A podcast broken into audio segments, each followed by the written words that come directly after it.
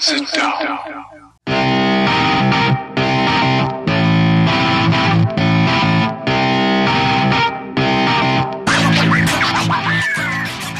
Witam wszystkich i każdego z osobna. Ja jestem Wiaro, a to jest Kochana NBA, najbardziej nieobiektywny podcast o najlepszej koszykarskiej lidze świata. To już 105 odcinek naszego podcastu. No a razem ze mną jak zwykle jest tutaj Robert. Siema Robert, co tam u Ciebie słychać w to sobotnie przedpołudnie?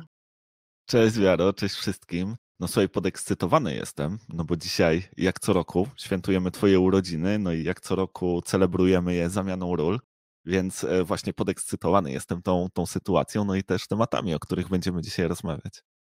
Tak, e, można powiedzieć, że już tradycyjnie, tak jak e, to mamy w zwyczaju, ten raz do roku ja przejmuję kontrolę nad naszym podcastem. Mm, przygotowuję nam tutaj kilka smaczniutkich temacików do rozpakowania i do podzielenia się z naszymi słuchaczami. No i słuchaj, może tak już wielce nie zwlekając, przejdźmy do sedna sprawy.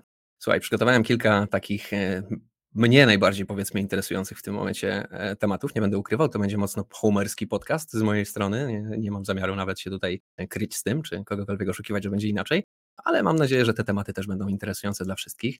Słuchaj, chciałbym zacząć od, e, ten podcast od, tego, że obserwujemy pewien ciekawy trend moim zdaniem w tym sezonie. To już 12 e, meczy za nami. Wprawdzie to jest dopiero jedna tam ósma powiedzmy sezonu, czy tam jedna siódma, ale no już pewne trendy widać, już pewne rzeczy widać.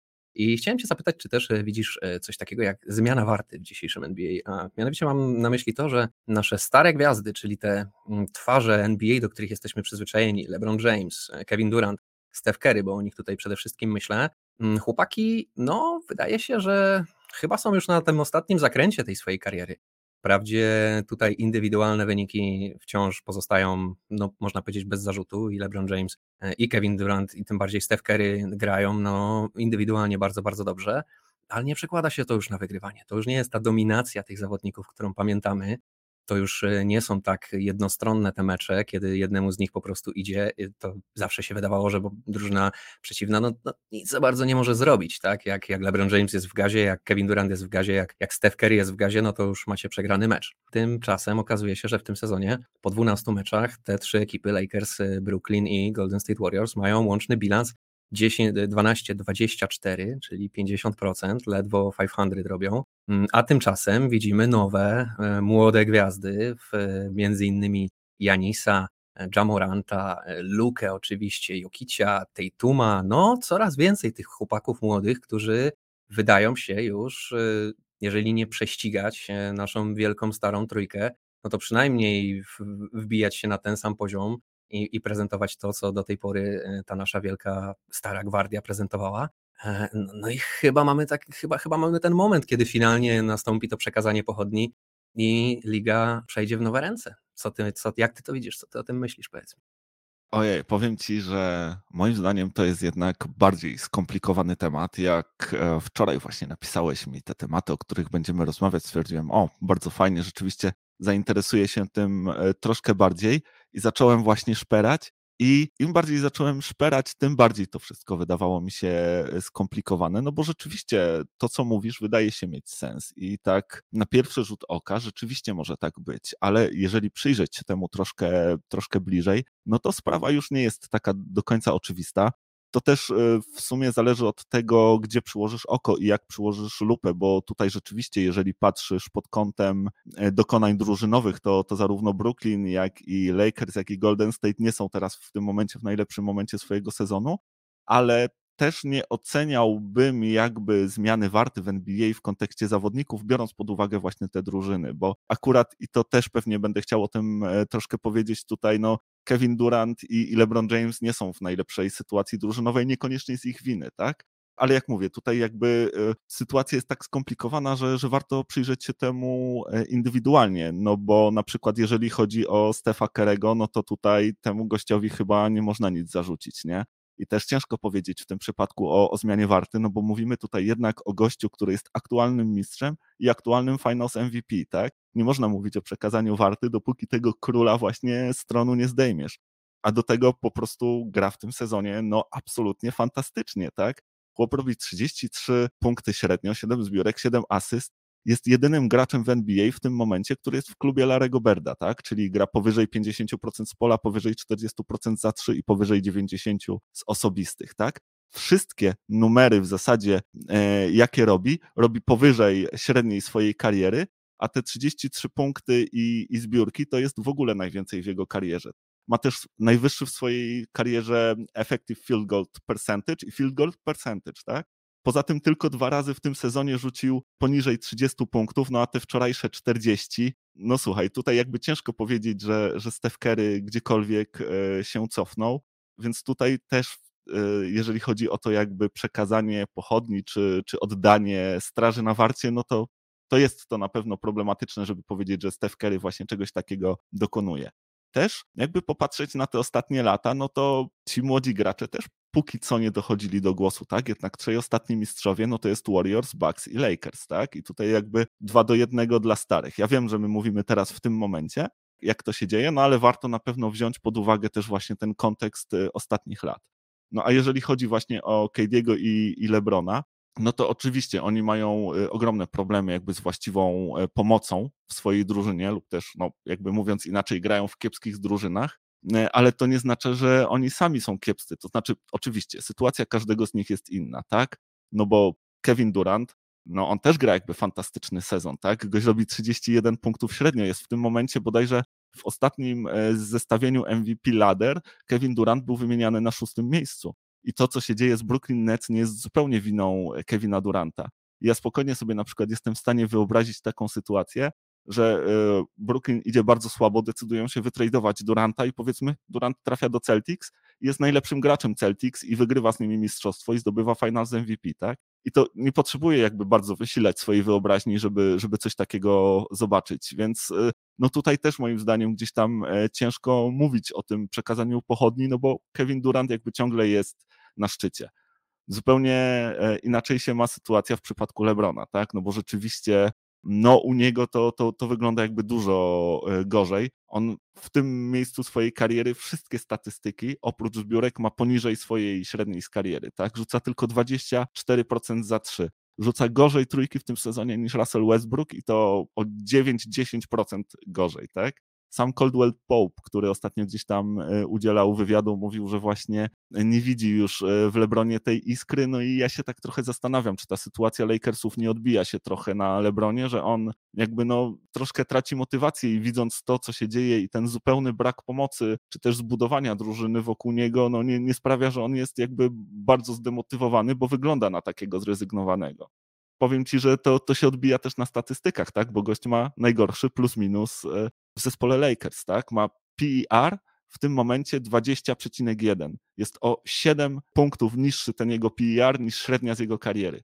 Więc no, może się okazać, że to jest e, już ten ojciec czas, że, że tutaj wreszcie widzimy ten moment, kiedy on Lebrona pokonuje, a może się okazać, że to po prostu jest jakieś takie no, pogodzenie się trochę z tym losem i sytuacja y, drużyny Lakers. Więc w przypadku LeBrona to, to troszkę rzeczywiście tak, tak może być. Natomiast no, jeżeli o tych dwóch pozostałych zawodników chodzi, to ja tego tak do końca nie widzę. No i tak, tak przynajmniej widzę kwestię tych starszych zawodników. Do młodszych zaraz przejdę, no ale chciałbym zapytać, jakby co ty o tym myślisz, y, co ja tutaj sobie wymyśliłem.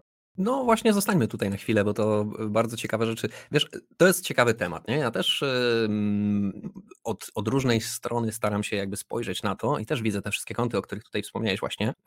Natomiast powiem Ci tak, postaram się Ciebie przekonać od, od y, tej strony i zwrócić na uwagę na taką rzecz, że swego czasu LeBron James, e, Kevin Durant i Steph Curry to byli zawodnicy, którzy byli wymieniani prawdopodobnie jako pierwszych trzech zawodników, jeżeli chodzi o to, jak chcesz swoją drużynę konstruować, kogo byś chciał w tej drużynie mieć, ze wszystkich zawodników, którzy są w lidze. Mało tego, to byli też tacy zawodnicy, którzy z automatu przekładali się na pewnego rodzaju jakość w twojej drużynie. Nieważne, jakich mieli kolegów, nie? Szczególnie LeBron James. LeBron James nam udowodnił wszystkim, że on swego czasu, no to z bandą koszulek tak naprawdę był w stanie do finału dojść, tak?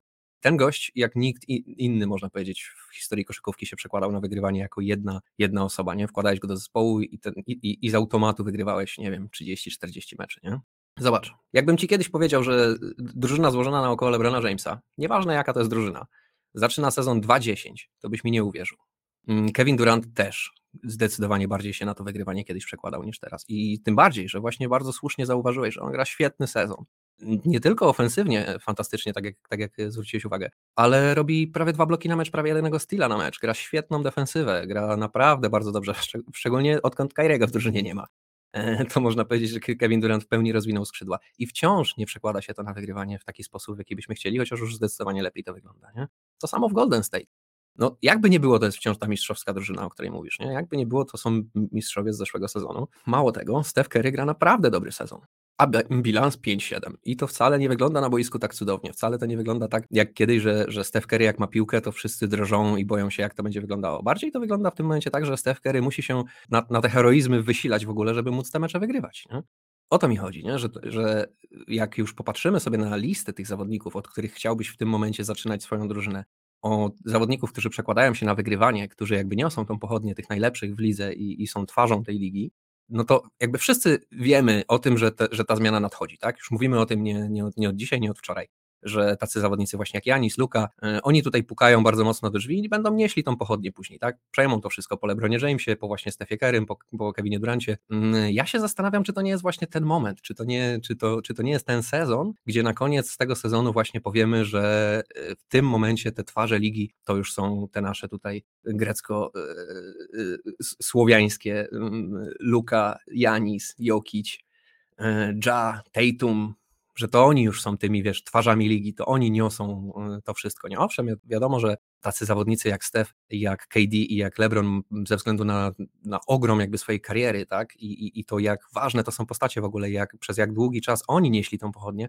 wiadomo, że, że wiesz, no to nie jest takie, nie jest takie czarno-białe, nie, że o, tu w tej minucie, tu w tej sekundzie LeBron przekazał Luce to wszystko, nie? Ale mam wrażenie, że, że widzimy już taki naprawdę schyłek, zakręt, yy, szczególnie, wiesz, no LeBron James, najstarszy też z całej tej ekipy, o której wspomnieliśmy, więc wiadomo, że w jego przypadku to, to jest też najbardziej widoczne. Yy, Steph i KD jednak młodsi i, i wciąż, powiedzmy, u schyłku tego prime time'u swojego, wciąż zawodnicy, którzy po których nie widać tego spadku, jakby, że, że, że ten ojciec czas jeszcze ich zębem, zębem nie nadgryzł w żaden sposób, ale już nie są to tak dominujący zawodnicy, jak, jak byli jeszcze jakiś czas temu. Czy, czy, czy, czy nie zgodzisz się z tym?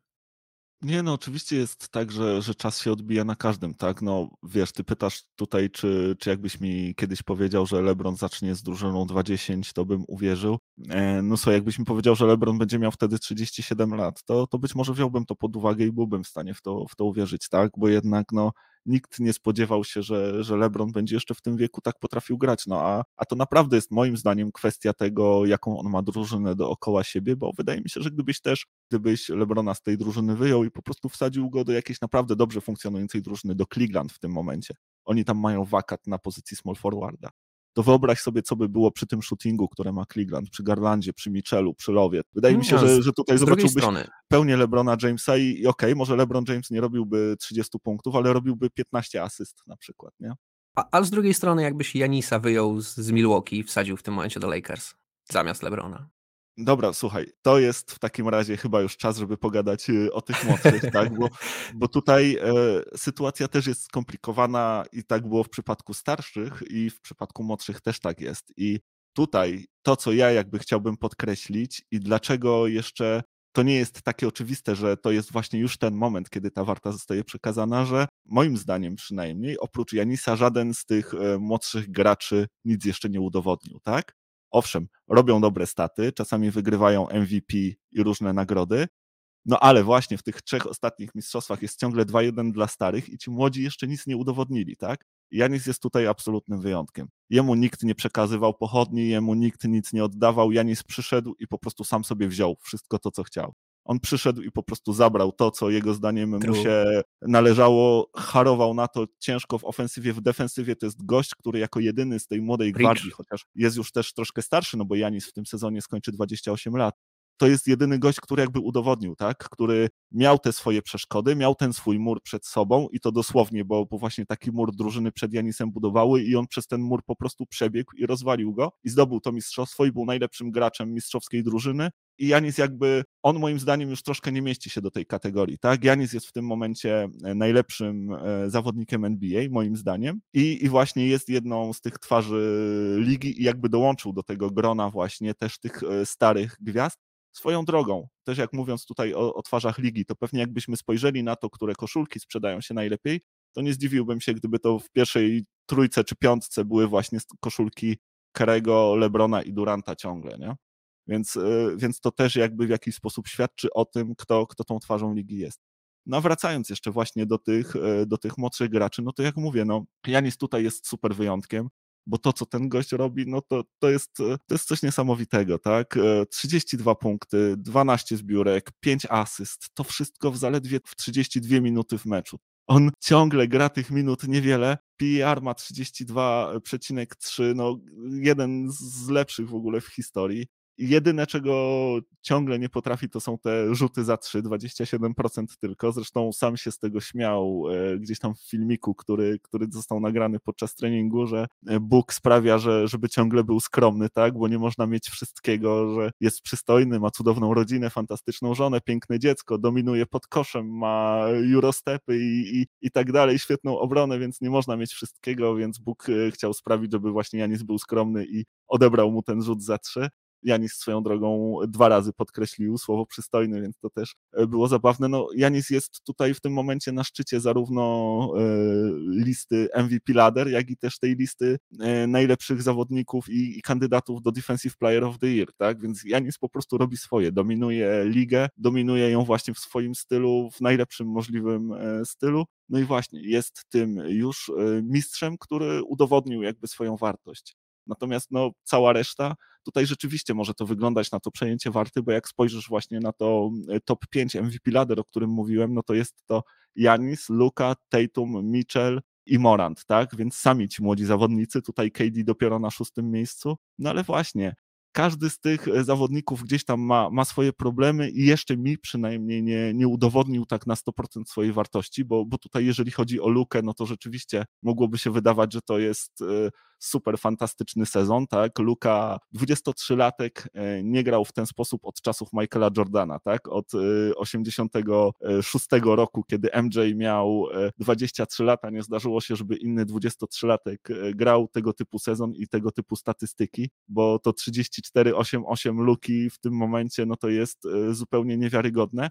Ale jak się temu przyjrzysz dokładnie, jak przyłożysz do tego lupę, no to tutaj też e, widać jakby pewne, pewne mankamenty, bo Luka ma w tym momencie trzeci największy usage rating od kiedy zaczęto rzucać trójki chłop ma taki usage rating, jaki miał James Harden w swoich najlepszych e, czasach w Houston. To oczywiście też jest spowodowane tym, jak zbudowana jest drużyna wokół Luki, że on tak naprawdę jest jedynym dobrym zawodnikiem e, tej drużyny, jakby się temu dobrze przyjrzeć i że ten jakby ogrom pracy, który jest na niego zrzucony, no może być przytłaczający i to też odbija się na jego grze i skutecznościach w końcówkach meczów, bo nie wiem, czy ty na przykład wiesz, ale Luka, e, jak zaczyna mecz w pierwszej i w drugiej kwarcie, rzuca 53% z pola i 35% y, za 3 średnio.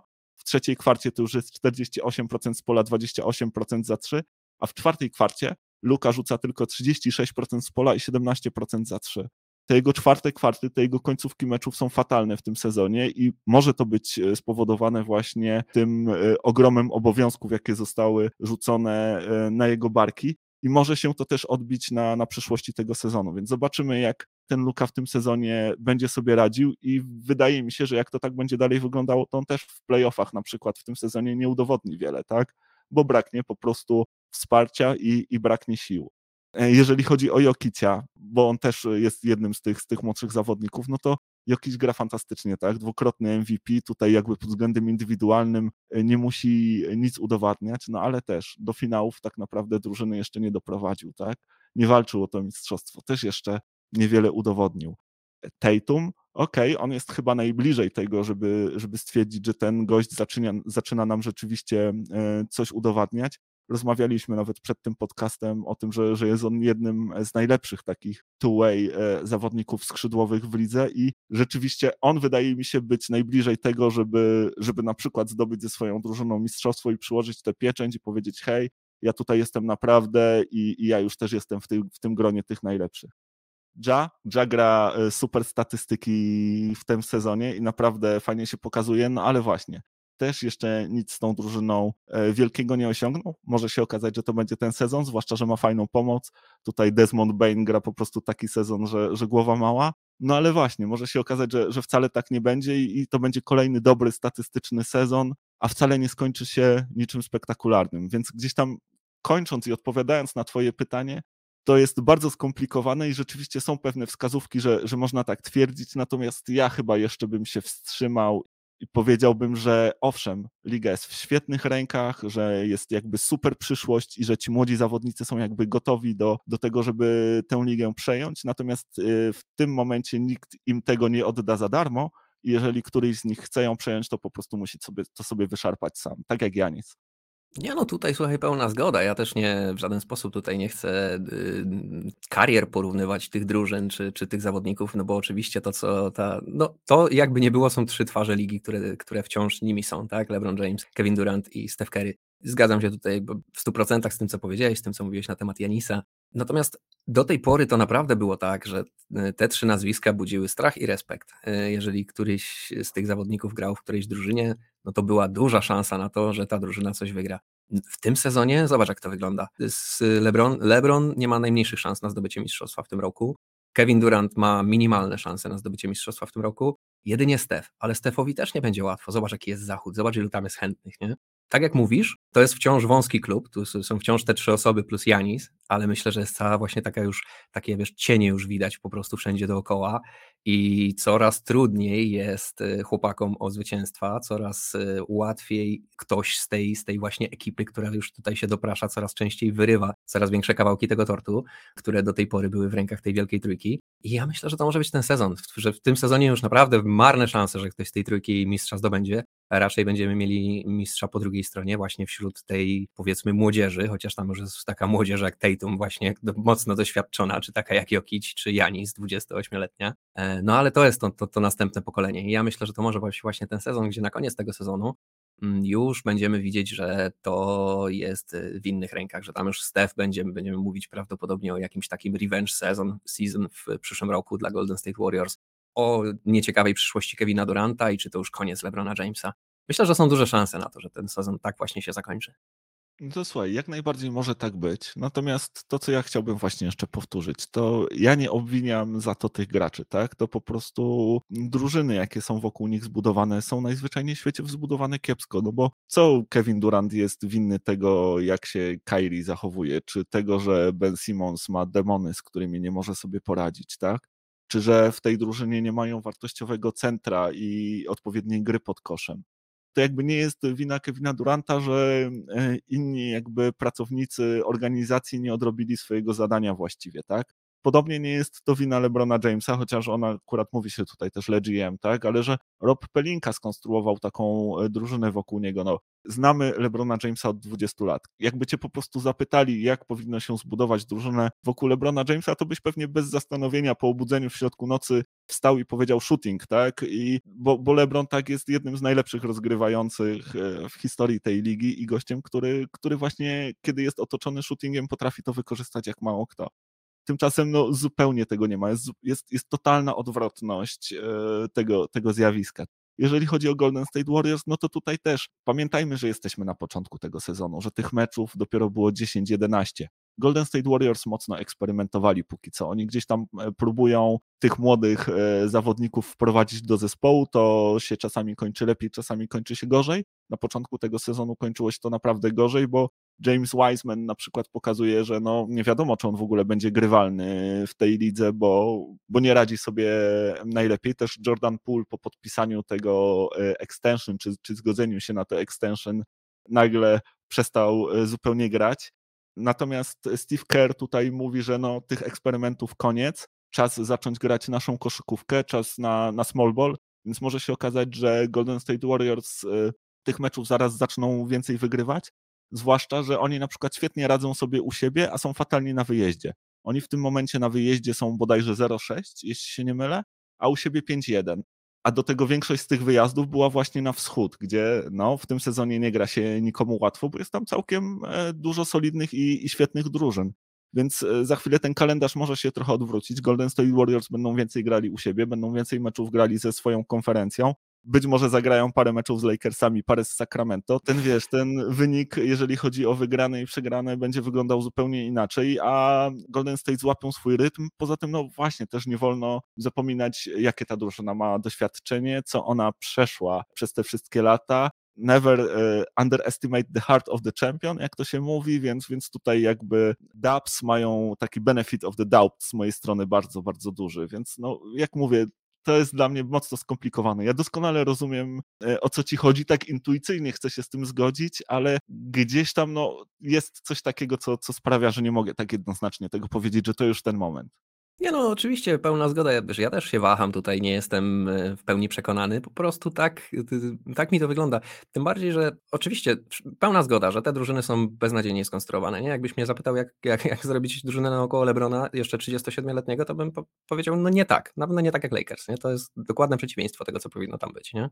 Ale z drugiej strony no wiesz, konkurencja nie śpi, nie? Tak jak mówisz tutaj, Luka, Janis, y, Tatum, Jokic, Ja, no chłopaki są coraz lepsi, tak? Oni są z każdym rokiem tylko coraz bardziej wygłodniali tych zwycięstw, coraz lepsze te drużyny są, coraz lepiej grają, coraz większe zgranie, coraz, coraz większe doświadczenie tego wszystkiego. Coraz trudniej tej starej gwardii jest o te, o te zwycięstwa w sezonie zasadniczym, trudniej będzie o te zwycięstwa w playoffach. Mm, LeBron James, Kevin Durant, no już można powiedzieć w dużej mierze ten, ten sezon raczej spisują na straty tam jakichś wielkich sukcesów w playoffach, raczej Lakers, Lakers to najpierw by musieli w ogóle w tych playoffach zagrać, a, a Stefowi łatwo nie będzie. Okej, okay, no niech zaczną teraz grać swój small ball, zobaczymy, jasne, to są wciąż mistrzowie i wciąż się może okazać, że, że wskoczą na ten swój poziom, no ale z drugiej strony wciąż trzeba przejść przez Memphis, trzeba przejść przez Denver, trzeba, y, cały zachód generalnie trzeba przejść, tak, nie wiadomo jak ten sezon się zakończy, no ale na pewno nie będzie łatwo na pewno to już nie będzie takie łatwe, jak było kiedyś. Nie? Już w zeszłym roku wydaje mi się, że Golden State udało się to mistrzostwo wyszarpać, że to nie było takie dominujące przejście sobie spacerkiem przez te playoffy, żeby, żeby tego mistrza zdobyć. W tym roku będzie o to jeszcze, jeszcze, jeszcze trudniej. Po prostu ta, ta młodzież, ten, ten zachód jest coraz mocniejszy, y, drużyny są zdrowsze, lepsze, lepiej skonstruowane, lepiej zgrane i coraz trudniej o to jest i mi się po prostu wydaje, że ta banda, tak jak mówisz, no Janis sobie tam przyszedł, tą pochodnię wziął, a cała reszta patrząc na Janisa też widzi, że można sobie te pochodnie wziąć, nie? I tak się czają i, i, i myślę, że mm, i Steph, i, i LeBron, i, i KD tak y, widzą, że coraz więcej chętnych jest, żeby przyjść i tą, tą pochodnię im zabrać i coraz trudniej tą pochodnię u siebie utrzymać. Także pod tym kątem, no tak czy inaczej, wydaje mi się, że to jest ciekawy temat i, i jak widzisz, no jest tutaj bardzo dużo jakby wątków ze wszystkich stron do, do rozpakowania, nie? No zdecydowanie tak, wiesz, no jedno można powiedzieć na pewno. Liga jest w dobrych rękach. Nie musimy się w ogóle martwić o przyszłość ligi, bo tych świetnych młodych zawodników jest po prostu masa. Zresztą jest taki zabawny teraz e, seria animowana, tak? Hero Ball przez, przez Bleacher Report przygotowywana i tam też ten właśnie wątek jest pokazany, jest właśnie LeBron e, z, tym, z tą starą gwardią właśnie obserwująca gdzieś tam, co, co, te, co ci młodzi bohaterowie, te młokosy, jak właśnie rywalizują ze sobą, chcąc tutaj wyszarpać, co im się należy. No zobaczymy, jak to będzie. Chętnych jest wielu, e, zwycięzca może być tylko jeden. Zobaczymy, jak to, jak to będzie wyglądało. No to słuchaj, mówiąc o, o, tych wielu chętnych, y, jednym z tych wielu chętnych na pewno są Denver Nuggets w tym sezonie, a ponieważ to moja ulubiona drużyna, której kibicuję no, od bardzo dawna, no to o nich też chciałbym y, w tym wyjątkowym dla mnie dniu pogadać y, i zapytać Cię, co myślisz na temat tego, że wysnuję taką może ambitną troszkę teorię tutaj, zobaczymy, czy się ze mną zgodzisz, że Denver jest najbardziej efektywną w tym momencie ofensywą w lidze. Zdobywają, tak jeszcze przytaczając tutaj krótko statystyki, 116,3 punktu na mecz, jest to piąty wynik w lidze. Są drugą drużyną pod kątem asyst w lidze z wynikiem 28,6, lepsi są tylko San Antonio Spurs. Mm, pod kątem e, e, procentów rzucania z pola pierwsza ofensywa w lidze, 49,7%, prawie 50% z pola rzucają. No i co mnie najbardziej zaskakuje, są e, najlepiej rzucającą w tym momencie trójki drużyną w lidze, pod kątem oczywiście skuteczności, 42% e, prawie e, za trzy rzucają. Tutaj głównym, powiem Ci, zaskoczeniem dla mnie i głównym jakby kontrybutorem do tego jest KCP, który rzuca prawie 50% z pola w tym sezonie bardzo dobry sezon gra. E, to, co ty przewidywałeś, e, wszystko można powiedzieć e, w punkt, co, co, co mówiłeś na temat tego transferu do, do Denver. Bardzo dobrze tutaj gość gra, jestem pod, pod bardzo zadowolony z tego zawodnika, bardzo mi się podoba to, jak on się prezentuje, mam nadzieję, że to się utrzyma. No i Michael Porter Jr., który tutaj z bardzo dobrej strony się w tym sezonie pokazuje, wprawdzie wczorajszy mecz nieudany, no ale to akurat celci potrafią zatrzymywać takich zawodników na skrzydłach. Ale tak ogólnie też prawie 50% za 3. Bardzo dobry jego sezon, świetnie rzuca i nie boi się kompletnie, robi to, e, można powiedzieć, no, z zimną krwią. Ja jestem pod ogromnym wrażeniem tego, jak gra moja drużyna, jak się można spodziewać. Ja oczywiście mam ogrom wiary w, w Jokicia i, i, ekipę, ale nie spodziewałem się, że będą aż tak dobrą ofensywą i że aż tak dobrze to będzie wyglądało. Bardzo mi się podoba, jak piłka znajduje zawsze otwartego zawodnika i z jaką łatwością Denver zdobywa punkty w tym sezonie. No i ciekaw jestem, co, co ty o tym myślisz? Jak myślisz, czy to się utrzyma, czy to się nie utrzyma, czy to jest tylko e, anomalia statystyczna ze względu na to, że mamy taką krótką próbę sezonu, czy, czy, czy, mam, czy mogę wierzyć w to, że Denver będzie juggernautem ofensywnym? Oj, e, długofalowo myślę, że możesz wierzyć, e, że będzie juggernautem ofensywnym. Niekoniecznie, że będzie e, najbardziej efektywną drużyną, bo zaraz się w ogóle zastanowimy, czy, czy w tym momencie jest, bo ja też e, zbadałem troszkę ten temat. Natomiast wydaje mi się, że będzie jedną z topowych ofensyw, że macie jakby wszystko do tego i rzeczywiście to, czego gdzieś tam można się było spodziewać, że, że ten KCP, ten taki prototypiczny, można powiedzieć, role player, e, świetnie wpisze się w ten zespół, to się dzieje. Bardzo fajny też powrót właśnie Michaela Portera e, Dziurora. No ale właśnie, czy są najbardziej efektywną ofensywą? Moim zdaniem są na drugim miejscu. E, najbardziej efektywną no, ofensywą moim zdaniem są Boston Celtics w tym momencie, bo tak jak ty powiedziałeś, właśnie jeżeli chodzi o offensive rating, to Denver Nuggets są na piątym miejscu, na pierwszym miejscu są właśnie Boston Celtics. Trzy punkty więcej mają właśnie Celtics niż Nuggets. Jeżeli chodzi o effective field goal percentage, to co prawda rzeczywiście Denver jest najlepsze, 57,6, ale są tylko o 0,1 lepsi niż Celtics, którzy są na drugim miejscu. No a jak weźmiesz pod uwagę na przykład też true shooting percentage, no to tutaj właśnie na pierwszym miejscu też są Celtics 61,7, a na drugim miejscu Nuggets 60,1. Więc to jest bardzo blisko.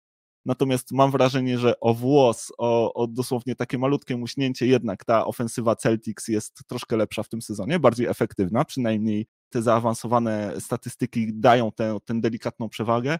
Natomiast no tutaj mała próbka meczów może sprawić, że to w przeciągu dwóch następnych e, zupełnie gdzieś tam się odwróci i, i Nuggets wyjdą na prowadzenie, więc ja tutaj jakby zdecydowanie widzę trend e, i to, że możesz być raczej spokojny e, o tę ofensywę, natomiast właśnie, no, też ten wczorajszy mecz, o którym wspomniałeś. Tutaj mieliśmy bezpośrednią konfrontację, więc nie mogło się nic lepszego zdarzyć dla tego tematu niż właśnie ten wczorajszy mecz którym e, tylko Celtics moim zdaniem właśnie potwierdzili to, że tą ofensywą są lepszą, bo nie dość, że wygrali, to rzucali lepiej z pola, wydaje mi się, że lepiej też za trzy rzucali we wczorajszym meczu, jeżeli chodzi właśnie o skuteczności, więc potwierdzili to tylko, że, że ten status najlepszej i najbardziej e, efektywnej e, ofensywy im się należy. Natomiast no ja mówię, tak jak ty też to stwierdziłeś, to, to nie jest do końca przypadek, bo tutaj też ogromna rola w tym wszystkim Jokicia, bo Jokic, jak okazało się, że przyszło do niego dużo pomocy i dużo fajnych partnerów, z którymi może pograć, to jego numery odrobinę spadły. On nie gra już takich fantastycznych numerów jak w poprzednich sezonach, natomiast jego efektywność się podniosła, tak? Wszystkie tak naprawdę zaawansowane statystyki związane z efektywnością jego gry poszły do góry. E, no i Jokic pokazuje właśnie, że, że jest w stanie poświęcić te swoje statystyki indywidualne dla dobra zespołu. Wydaje mi się, że to jest świetny jakby prognostyk e, na przyszłość dla tej drużyny.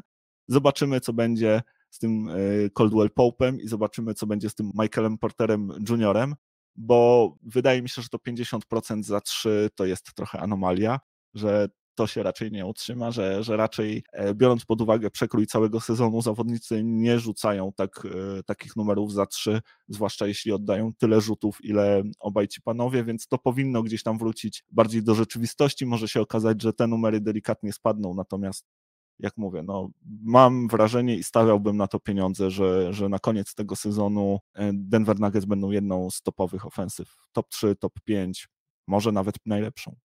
No powiem ci, że wbrew pozorom są na to szanse. Jest jeden, jedna cały czas y, słaba strona Denver. Zresztą to jest dokładnie powód, z którego y, true shooting percentage akurat Boston Celtics mają lepsze, a mianowicie free throwy. To jest jeszcze trochę pięta Achillesa y, tej drużyny. Nie rzucamy tego dużo i nie rzucamy tego dobrze jakoś wielce. Tego nam brakuje jakby w tym wszystkim. Celci akurat w tym są całkiem przyzwoici i, i to jest ta drobna różnica, która w tym, tym true shooting percentage wychodzi na stronę Celtów. E, no tak, generalnie rzecz ujmując, to są w tym momencie dwie najlepsze ofensywy w lidze. One są bardzo, bardzo zbliżone do siebie, Celci zdobywają trochę lepiej, trochę, wie, trochę więcej punktów, Ale właśnie, no Celci rzucają troszkę więcej free throwów na lepszych troszkę skutecznościach. Denver trochę lepiej rzuca z pola, trochę lepiej rzuca trójki. Nie? Ja wysnułem tą teorię, no bo na pewno, jeżeli chodzi o to, kto, która ofensywa jest lepsza, no to to jest trochę jabłka czy gruszki, tak? Co kto woli, nie? No, no, to są obie fantastyczne ofensywy, one mają, są, są trochę różnie skonstruowane. Jeżeli chodzi o ten wczorajszy mecz, no to tutaj weź pod uwagę też, że no Celci mają zdecydowanie lepszą defensywę od nas, więc to też nie jest dziwne, że nas ograniczyli bardziej niż my ich byliśmy w stanie ograniczyć. Nie? Tutaj jednak y, nie można tego. Najlepszym jakimś takim wyznacznikiem byłoby, jakbyśmy my, my zagrali z Lakers i, i potem oni zagrali z Lakers i zobaczyć tam, jakie byłyby wyniki, to można porównać na tym samym przeciwniku wtedy, nie? Na tej samej obronie, jak sobie dana ofensywa radzi. Mm, więc ten matchup akurat pomiędzy Denver a, a, a Boston ten też nie, jest, nie, nie, nie pokazuje tego moim zdaniem jednoznacznie, która, która drużyna ma lepszą ofensywę. Tak czy inaczej, tutaj wiesz, te, te, te różnice są, są moim zdaniem minimalne. Natomiast wydaje mi się, że Denver ma po prostu efektywniejszą ofensywę, że po prostu ciut łatwiej im przychodzą te rzuty. Być może to jest też kwestia właśnie tego, że jest Jokic w drużynie i mając takiego centra rozgrywającego jak Jokic, no po prostu ja widziałem gdzieś takiego, taki, taką zabawną analizę sytuacji Jokicia z ostatniego czy przedostatniego meczu, kiedy Jokic podawał do Michaela Portera Juniora farbę, mm, gdzie czterech zawodników przeciwnika w farbie stało i Jokic stwierdził, że e, Michael Porter jest open, więc mu podam pomiędzy czterech zawodników. Nie? No i tym sposobem asystę zrobił, więc mając no, takiego zawodnika, który tak dużo widzi i w ten sposób potrafi te obrony przeciwnika rozmontowywać, a tak jak mówisz, dając mu dokładnie to, co on potrzebuje, Tutaj Denver robi przeciwnie niż, niż Rob Pelinka, tak? Buduje drużynę tak, jak powinno się budować drużynę wokół swojej gwiazdy i daje mu takich, takich zawodników, którzy będą idealnie uzupełniali jego skillset, a nie, można powiedzieć, robili rzeczy niepotrzebne zupełnie nie, dla niego. Nie? Więc y, y, to się, być może to, to jest ten jakby decydujący tutaj y, czynnik, który sprawia, że ta ofensywa jest aż tak efektywna, bo naprawdę ja się nie spodziewałem, że będziemy 42% za 3 rzucać. Nie? Ja się nie spodziewałem, że będziemy prawie 50% z pola rzucać. To są naprawdę bardzo dobre wyniki, przede wszystkim te skuteczności tutaj. Oczywiście, tak jak mówisz, no, różnica pomiędzy Boston a Denver jest minimalna. Bardzo, bardzo, bardzo obie te ofensywy są potent. E, myślę, że będą, będziemy web w web tutaj do końca sezonu gdzieś tam te drużyny właśnie w czołówkach obserwować. Wydaje mi się, że na ten moment nie ma drużyny, która by łatwiej sobie jakby sytuacje rzutowe wypracowywała niż Denver Nuggets. Nie? Tam te, te, skuteczności tego KCP czy, czy Dziurora, one też nie wynikają z byle czego. To też nie jest tak, że oni po prostu oddają jakiekolwiek contest, contested rzuty. Nie? Tam po prostu nikogo przy nich nie ma, dlatego to tak wygląda, dlatego to są też takie wysokie skuteczności. Nie? Ale zobaczymy, tak jak mówisz, no mnie się, już ja nie chcę w żaden sposób zapeszać tego wszystkiego, nie chcę tutaj ja po prostu cieszę się bardzo, że moja drużyna gra w taki sposób i mogę taką fantastyczną koszykówkę oglądać. No ja się nie dziwię, też byłbym e, pełen nadziei. Zresztą no, troszkę przewidywałem gdzieś tam, że tak będzie, dlatego właśnie tak dużo szans od początku w zasadzie, nawet tego przedsezonu zawsze dawałem Denver i, i sam miałeś okazję to słyszeć.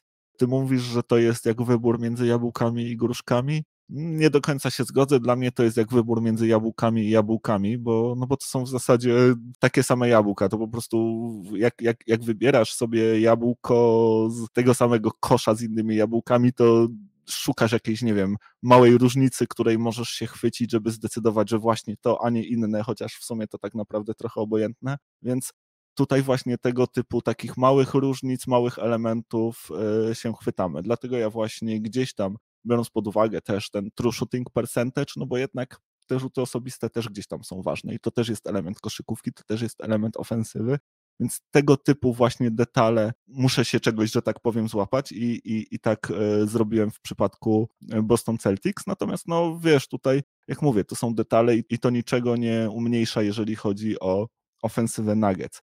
Też ta ofensywa Celtics, powiem Ci, że kiedy już przy niej jesteśmy, jest dla mnie zaskoczeniem, bo e, bardzo fajną zmianę przechodzi ta drużyna. W poprzednim sezonie ona miała jednak nastawienie super defensywne, to była najlepsza defensywa ligi i mówiło się, że wokół właśnie tej defensywy ta drużyna będzie budować swoją tożsamość, a tymczasem e, w tym roku nowy trener, nowa miotła i zupełnie nowa gra, tak? I Celtics e, z najlepszej defensywy w poprzednim sezonie stali się jedną z najlepszych ofensyw, czy też najlepszą ofensywą w tym sezonie i ogląda się ich fantastycznie. To znaczy, no, oni podno podnoszą ten trend, który teraz mamy w lidze, jeżeli chodzi o rzucanie za trzy, oni to podnoszą w tym sezonie do, no, do absurdalnych niemalże rozmiarów, bo bywają mecze, kiedy oni 50% swoich rzutów oddają właśnie z załuku, za trzy, więc do tej pory rzadko można było coś takiego zobaczyć i jestem ciekaw, czy to będzie kontynuowane i czy rzeczywiście tak ta ofensywa będzie wyglądać i jak to się odbije właśnie na szansach tej drużyny w tym sezonie, bo to naprawdę no taka fajna, zaskakująca zmiana i, i coś, co na pewno będę obserwował z dużą ciekawością.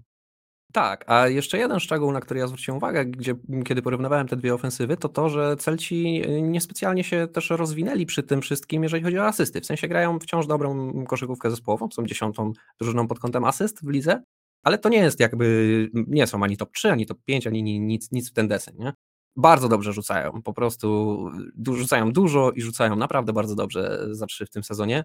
Zobaczymy, czy się to utrzyma. No, Tatum i Brown grają sezon życia każdy i też, no jakby nie było na tym, no, już wspominałem gdzieś o tym, że najbardziej takie groźne duo w tym momencie w NBA pod kątem ofensywnym, nie? Oni zdobywają 60 punktów w miarę regularnie we dwóch, także mm, no rozwijają się tutaj e, Celci, e, te, te, te młode gwiazdy Celtów. Jeszcze tak tylko chciałem dodać do tego tematu, że, że tutaj e, trzeba zwrócić uwagę na to, że jednak e, te drużyny są inaczej zbudowane, tak? Bo ty mówisz o tym, że tych asyst w drużynie Celtics jest mniej, natomiast właśnie wynika to też z tego, jak ta drużyna jest skonstruowana, bo e, w Denver ten system jest jokiciocentryczny, tak? Tam piłka trafia do Jokicia, on tą piłkę rozdaje, w ten sposób robi asystę, czasami jest jeszcze ekstra pas i właśnie rzut z czystej pozycji, więc e, tak troszkę to działa, natomiast e, w Boston Celtics tam częściej jest na przykład ISO ball, tak? Częściej zawodnicy grają jeden na jeden, bo mają jakby zawodników, którzy dają ci możliwość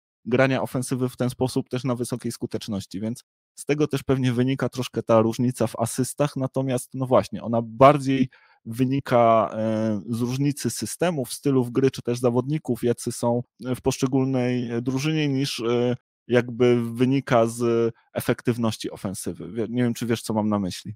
E, tak, wiem o co ci chodzi. E, natomiast e, ja już nawet nie, nie, nie pod tym kątem to mówię, tylko po prostu celci bardzo dobrze rzucają w tym momencie. No, na, na, rzucają dużo i rzucają dużo trójek i rzucają to na wysokich skutecznościach. To się przekłada bardzo mocno na tą, na tą ich ofensywę. Nie? To jest oczywiście efektywne w ich wykonaniu, no bo mają te wysokie skuteczności, więc przekłada się na wysokie procenty rzutowe.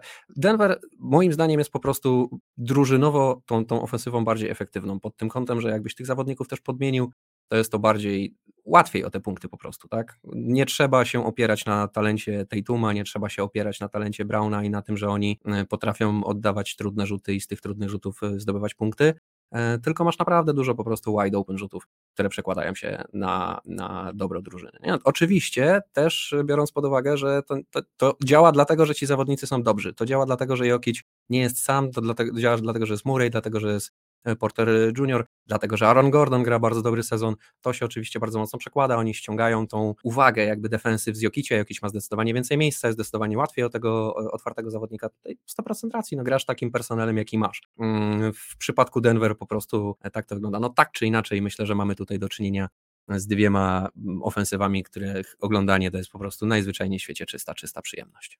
Yes, sir. No i słuchajcie, to już by było tyle, co na dzisiaj dla Was przygotowaliśmy. Mm, dziękujemy Wam bardzo, że byliście z nami i wytrzymaliście do końca i przesłuchaliście, co mieliśmy Wam do przekazania. Pamiętajcie, że w każdej chwili możecie się z nami skontaktować. Piszcie do nas na kontakt.kochana e, małpka NBA. Nie kochana ma kontakt małpka, małpka kochana NBA.pl, a nie kochana małpka. kochana małpka piszcie do nas na e, kontakt e, kochana NBA i wbijajcie na Facebooka, komentujcie, kontaktujcie się z nami. E, no i mam nadzieję, że słyszymy się już z Wami za tydzień. Trzymajcie się cieplutko i do usłyszenia. Trzymajcie się, hej.